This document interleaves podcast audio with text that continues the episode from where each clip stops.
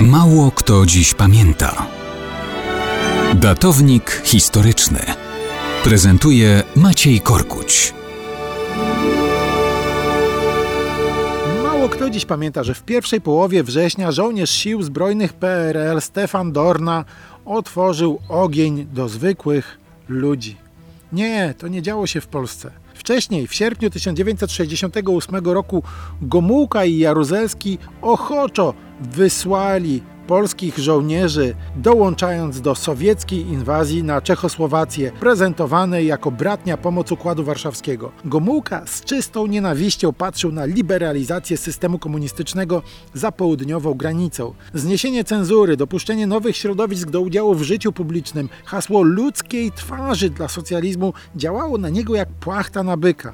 O czeskim przywódcy Aleksandrze Dubczeku ponoć wyrażał się pogardliwie, specjalnie zamieniając głoskę B na P. Jaruzelski jako szef MON doskonale wpisywał się w obronę zdobyczy socjalizmu.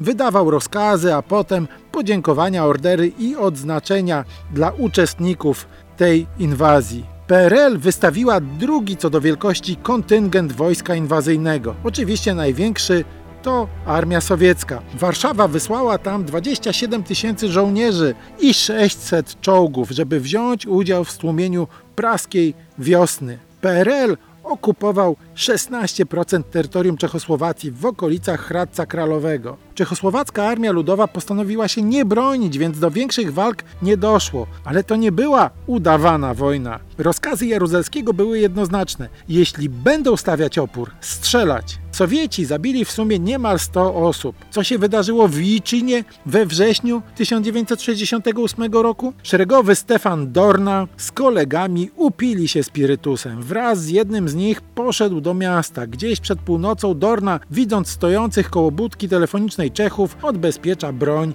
i niczym niesprowokowany strzela. Zabija w sumie dwie osoby. Był zbyt pijany, żeby trafić winnych. Rani również kolegów, którzy próbują go obezwładnić. Jednej z kobiet kradnie zegarek, inną próbuje zgwałcić. Z trudem zostaje obezwładniony. Dorna później poszedł do więzienia. Wyjdzie na wolność w latach 80. Zabitym Czechom życia już nikt nie mógł przywrócić.